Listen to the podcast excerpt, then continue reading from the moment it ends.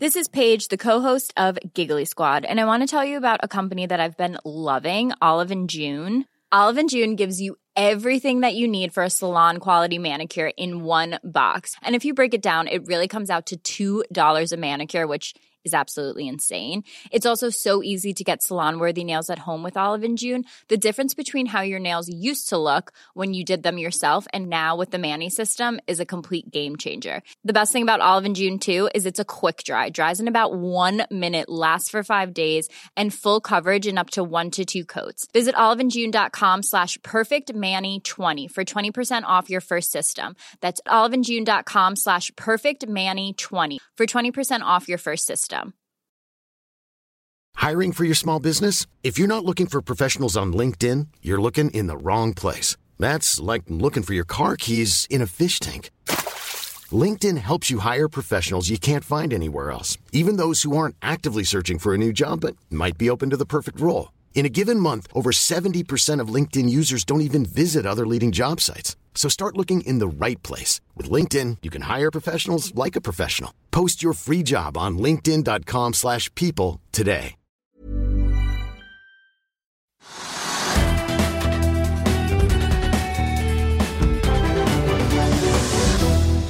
Velkommen til Økonominyhetene i dag, tirsdag. Vi tar med oss at Bellships har inngått en avtale om å kjøpe en Ultramax bygget ved et japansk verft i 2015 gjennom en kontanttransaksjon. Aksjen stiger 6,5% i kjølvannet av nyheten. Pemex forlenger et Borr-samarbeid i Mexico til utgangen av 2022. Det gjelder fem rigger som gjennom en JV eies i fellesskap av Pemex og Borr. Borr Drilling er ned 0,1 i dag. Meglerhuset RBC venter solid kursoppgang i Nell-aksjen. De tar opp dekning på aksjen med et kursmål på 27 kroner. Nell er ned 38 hittil i år, men opp 5% den siste måneden. I dag står aksjen i 17,9 kroner, opp 2 Oslo Børs snur ned etter gårsdagens opptur og ny all time high og faller nesten 1 i dag. Oljeprisen holder seg over 73 dollar fatet. Så hva er det som har skjedd over natten, Trygve? Har investorene surnet? Nei, det tror jeg ikke. Men altså, det, første er den oljeprisen. Den holder seg, Nå er det nesten 74 dollar på fat, så det er en ganske høy oljepris. Den stiger hele tiden, og det er det høyeste på lange, lange, lange tider. Eh, så det er positivt for Oslo Børs. Skulle vært det. Eh, men så er det da, da slik at det største oljeselskapet, Equinor, de har kapitalmarkedsdag i dag, og de, der kom de med en del sånne opplysninger som de egentlig mente skulle være veldig positive. Så da kunne liksom Equinor bevege seg oppover. Den ligger på 180 kroner eller noe, og så vil det på en måte kanskje smitte over på resten av markedet. Men Equinor de kommer så mye rar informasjon. De, de, ja, for Equinor er jo Norges største oljeselskap. Det, det, olje- og gasselskap. Ja. Men poenget er det at de sier nå at de skal bruke fantastisk mye penger på å investere i fornybar energi. Det er bra. Altså, alle vil gjøre det, og det bør også da Equinor gjøre. Men nå har de forskjøvet det helt slik at de skal i løpet av opp til 2030 så skal de investere like mye i fornybar energi som det er vanlig olje og gass. Og så kommer poenget som analytikeren da har sett, og som jeg mener er ganske viktig. Det er det at av disse selskapene sier nå, Equinor, altså ledelsen, sier da på kapitalmarkedsdagen at de kommer til å tjene mindre og dårligere marginer på da det de investerer i fornybar energi. Det er ikke bra. Så hvis du da øker den delen som tjener mindre, på bekostning av den som tjener masse, så er ikke det bra. Og den øvrige gass- og oljevirksomheten den tjener de skjorta på. Det er, det er gamle konsesjoner, gamle utbygginger, gamle felt som du bare tømmer opp og tjener masse penger. Kommet ned på lave kostnader også etter ja, så, siste så fremt oljeprisen er over 60 dollar på fatet, så tjener de masse penger. Og De pengene har de tenkt å bruke opp, eller bruke på da, denne fornybarsatsingen. Det er ikke bra. Så skjønner de kanskje at det ikke markedet er så veldig fornøyd med denne svingen de gjør, som kanskje samfunnet krever av dem. Kanskje aksjonærene vil kreve også. Eh, så sier de at de skal bli veldig flinke med å betale utbytte. Mm, det er sånn Torgav Trøim og Jon Fredriksen liksom, Utbytte der alt bra. Og de skal i tillegg kjøpe tilbake egne aksjer. Alt det er sånne manøvrer man gjør for liksom å please aksjonærene og få litt bedre interesse for aksjen. slik at de kom med en melding som en voldsom dreining altså bare på få måneder, voldsom dreining mot fornybar. Bruker masse penger på å investere i det og regner med lavere avkastning på det. Og det kan de bare gjøre fordi de hanker inn penger på den gamle olje- og gassvirksomheten. Så det var en dårlig dag, og da synker aksjen 3, 3 Og det er ganske mye når det er eh, børsens ja, største selskap. Men de skal da investere, som du sier, store summer, 192 milliarder kroner, ja, ja. i løpet av fem år.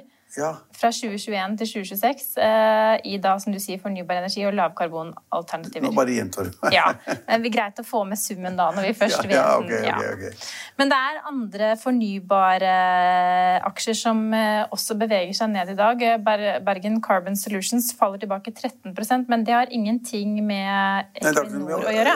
olje og gass i det hele tatt, for det er det selskapet som da Øystein Strauss Betalen via et annet selskap, Saga, de har aksjer der. Og så har han solgt aksjer for 60 millioner kroner. Det er et fillebeløp når det gjelder Spetalen. Og han har fremdeles da tre ganger så mye aksjer igjen gjennom Saga som det han har solgt nå. Men han tar og plukker opp profit når det er der. Ø, Det selskapet har gått 80-90% det siste året. Så en kjempeoppgang.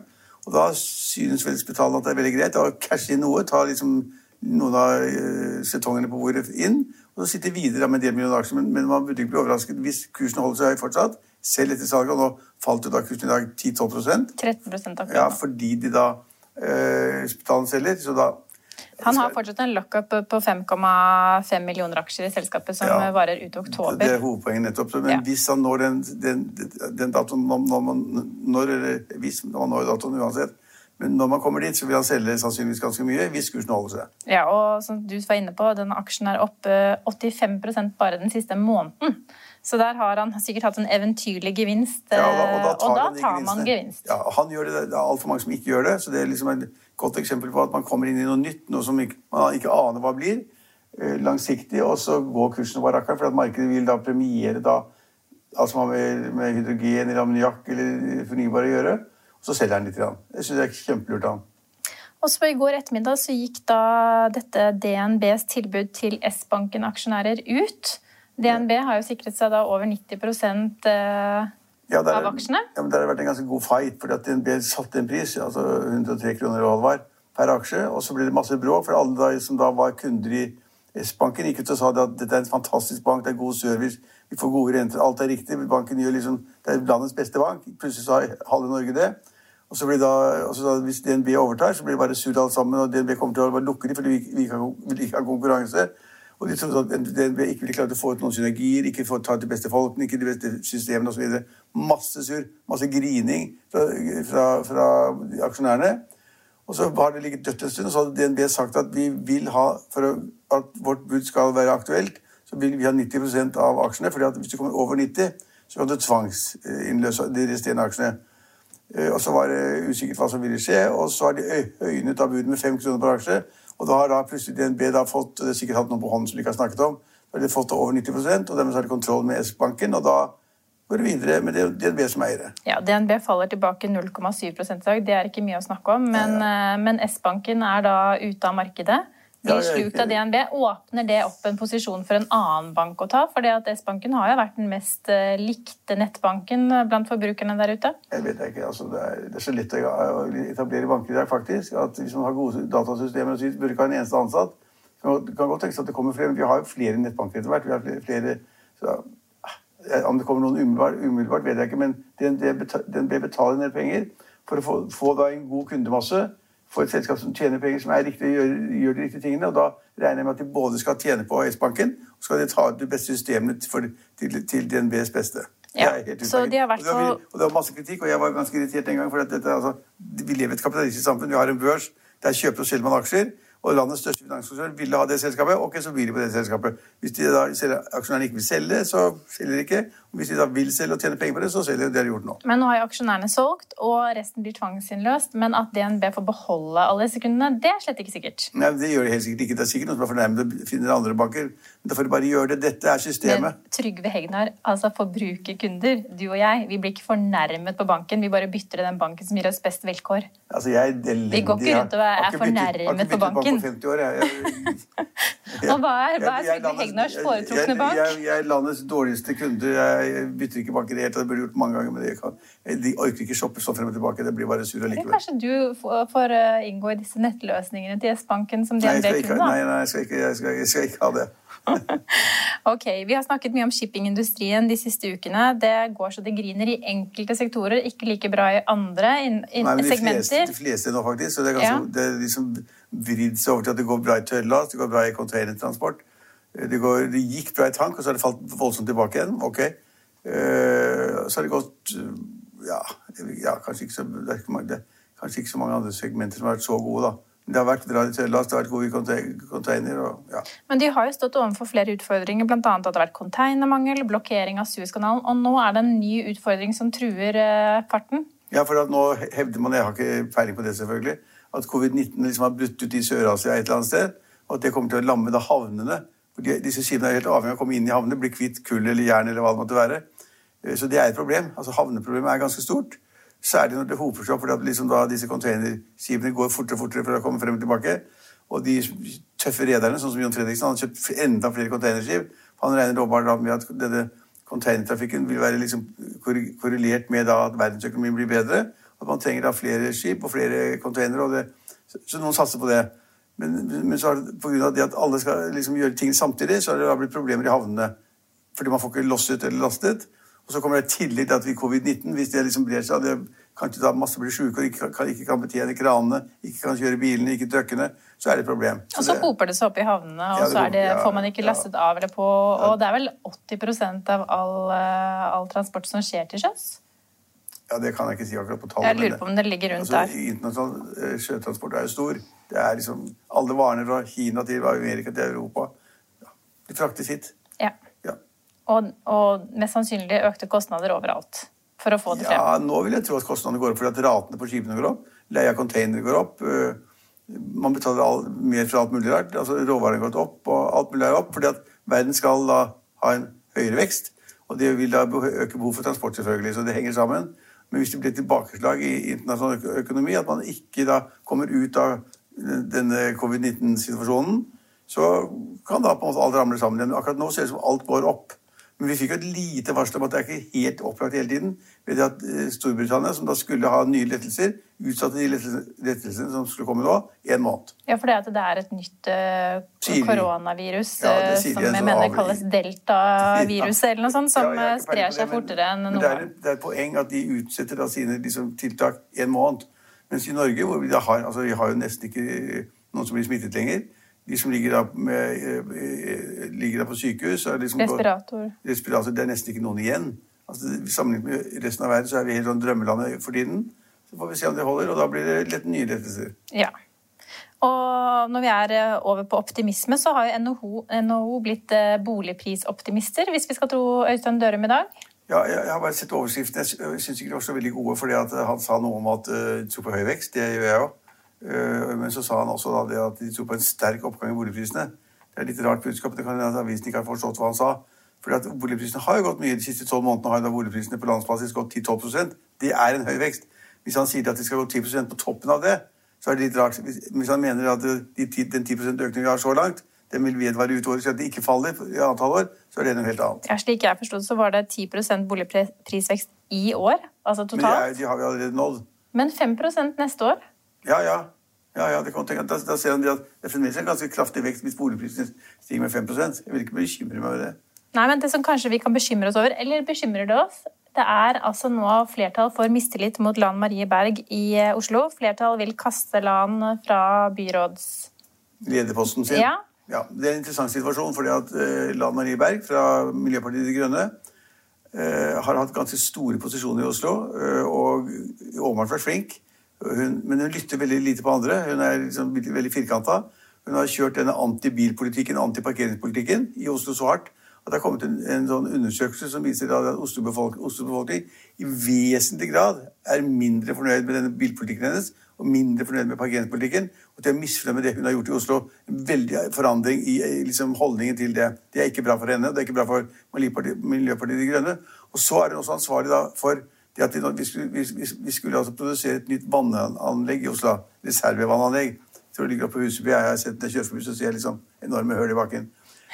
Og det, det anlegget er blitt fem milliarder dyrere enn de planla. Fem milliarder kroner. Som huns, huns departement eller avdeling er ansvarlig for. Hun tar ikke, er ikke i nærheten av selvkritikk. Alt hun har gjort, er perfekt, sier hun. Hun er informert perfekt, og alt hun gjør, er perfekt. Og at det er overskridelse på fem milliarder, har hun ingenting med. Altså, Dama lytter ikke mye. Det har gjort at da, eh, flertallet i Oslo bystyre de har da sagt at de er for et mistillitsforslag for henne. Så de vil kaste henne. Det, er, forslaget har fått eh, rødt stemmer, rødt, altså kommunistene, fått rødt stemmer, slik at det blir flertall for uh, mistillitsforslag. Det er det mange som ikke hadde regnet med. Man tenkte at Rødt vil alltid verne da en av de rød-grønne politikerne, men Rødt har sagt man krever offentlig, Den type arbeid hun driver med, og leder for, så krever man riktig informasjon til riktig tid. Og hun skal liksom da innrømme feil og se på feil og se hva hun skal gjøre. Hun sier ingenting er feil. Hvorfor skal jeg gå av? Hvorfor skal jeg gå av, sa hun til og med. Ja, og Derfor sier Rødt at der, den holdningen liker vi ikke. De ikke. Det er ikke første gang hun misleder eller ikke gir skikkelig informasjon til Oslo bystyre. Så de sier da Når jeg gikk i studio, så sjekket jeg det rett før jeg gikk, og da sier da, det sies da at det er flertall for mistillit. Hvis hun får mistillit mot seg i bystyret, som, som skal behandle saken i morgen, så må hun gå av. Men det kan tenkes at da uh, Raymond Johansen, som leder av det rød-grønne byrådet, byrådet, han blir så sur og grinete ved at hun må gå av. For det er liksom en markering av at det er gjort feil i byrådet, og hun er ansvarlig. At han sier at eh, ok, hvis det kommer mistillit, da går hele byrådet av. Og det er kabinettspørsmål? Ja, og da går alle, og da blir det bare kaos en stund. For da må de skaffe nye byrådsledere for alle avdelingene, nye folk og altså, Men kan vi få en situasjon nå, før vi kommer til morgendagen, hvor faktisk Lan Marie Berg går av? Ja, det er også en annen løsning at hun trekker seg. altså Hun får ikke mistillit mot seg, men hun trekker seg frivillig. Erkjenner at hun har gjort feil. Hun erkjenner aldri noen feil. Men hvis hun gjør det, så kan hun gå av i ro og mak. Men hvis hun da sier at 'jeg gjør ikke noe feil, jeg blir', og Raymond Johansen sier da er det mistillit mot hele byrådet hvis de går av, så blir det jo kaos i Oslo kommune. De skal ha nye, altså da, politiske ledere i alle avdelinger. Det blir kaos. Men er det ikke mistillit, litt mistillit mot Raymond Johansen indirekte her, når han visste om denne budsjettsprekken ah, allerede i mars? Nei, ja, Sies at han blir informert om dette? Det vet jeg ikke. Jeg vet bare at hun er eh, altså imponerende eh, beslutningsdyktig tar beslutninger hele tiden. Sier bare at renere luft, mindre biler, mindre parkering, alt er bra. og for de sånn. som bor midt i Oslo, så vet de Kapp trærne. Det er kappet trærne rett utenfor her òg. Hele kjemperekke med svære trær for å få en ny sånn sykkelsti rett utenfor. Enda det er sykkelsti rett inntil, rundt dammen her. Helt vanvittig. Jeg, jeg har sett disse trærne bli kuttet og, og, rundt vårt kontor. Og, de gjør mye rart. Det har vært mye kritikk i, i både øst og vest i Oslo. Men hun har ikke én eneste gang sagt at kalte meg tre for mye, eller kanskje det ikke var nødvendig. Jeg vet om én eneste operasjon som jeg snakket om en gang før, faktisk. Det var at i Bydal så tok de bort bussfilene og innla uh, sykkelstier. Mm. Så alle bussene, da, og det er utrolig mange busser i rushtiden som kjører Bygdalé for å komme da øst-vest, de sto stille, kom ikke en meter. Og Da var det en som sa til henne visstnok at liksom, nå bør du liksom revurdere én beslutning. Vi tar bort den sykkelstien igjen og gjeninnfører bussfilen. Det gjorde de, og nå går trafikken igjen. Så hun innrømmer aldri noen ting, men altså, beslutningsdyktigheten imponerer meg. Uh, får ting igjennom. Men nå kan hun da bli felt i dag eller i morgen. Ja, hun har allerede felt litt for mange trær og tatt litt for mange parkeringsplasser. hvis vi kan oppsummere hennes... Ja, det kom til en rapport på dette, ganske interessant, ja. offentlig rapport som viser at nå er Oslos befolkning mindre eh, fornøyd med henne enn de var før. Med god grunn. Og så kommer da at du, du kan liksom ikke overskrides på 5 milliarder kroner på å lage sånn vannhall, vannhøl, et eller annet sted. Og så kan du ikke bare si det at 'jeg har gjort det perfekt'. Nei. Nei. Men hun insisterer likevel på at hun har gjort det. Ja. Og hva fortsettelsen blir, det får vi se allerede i morgen. Kanskje i morgen. Ja, Om ikke før. Vår sending er tilbake i morgen klokken 15.30. Følg med oss igjen da.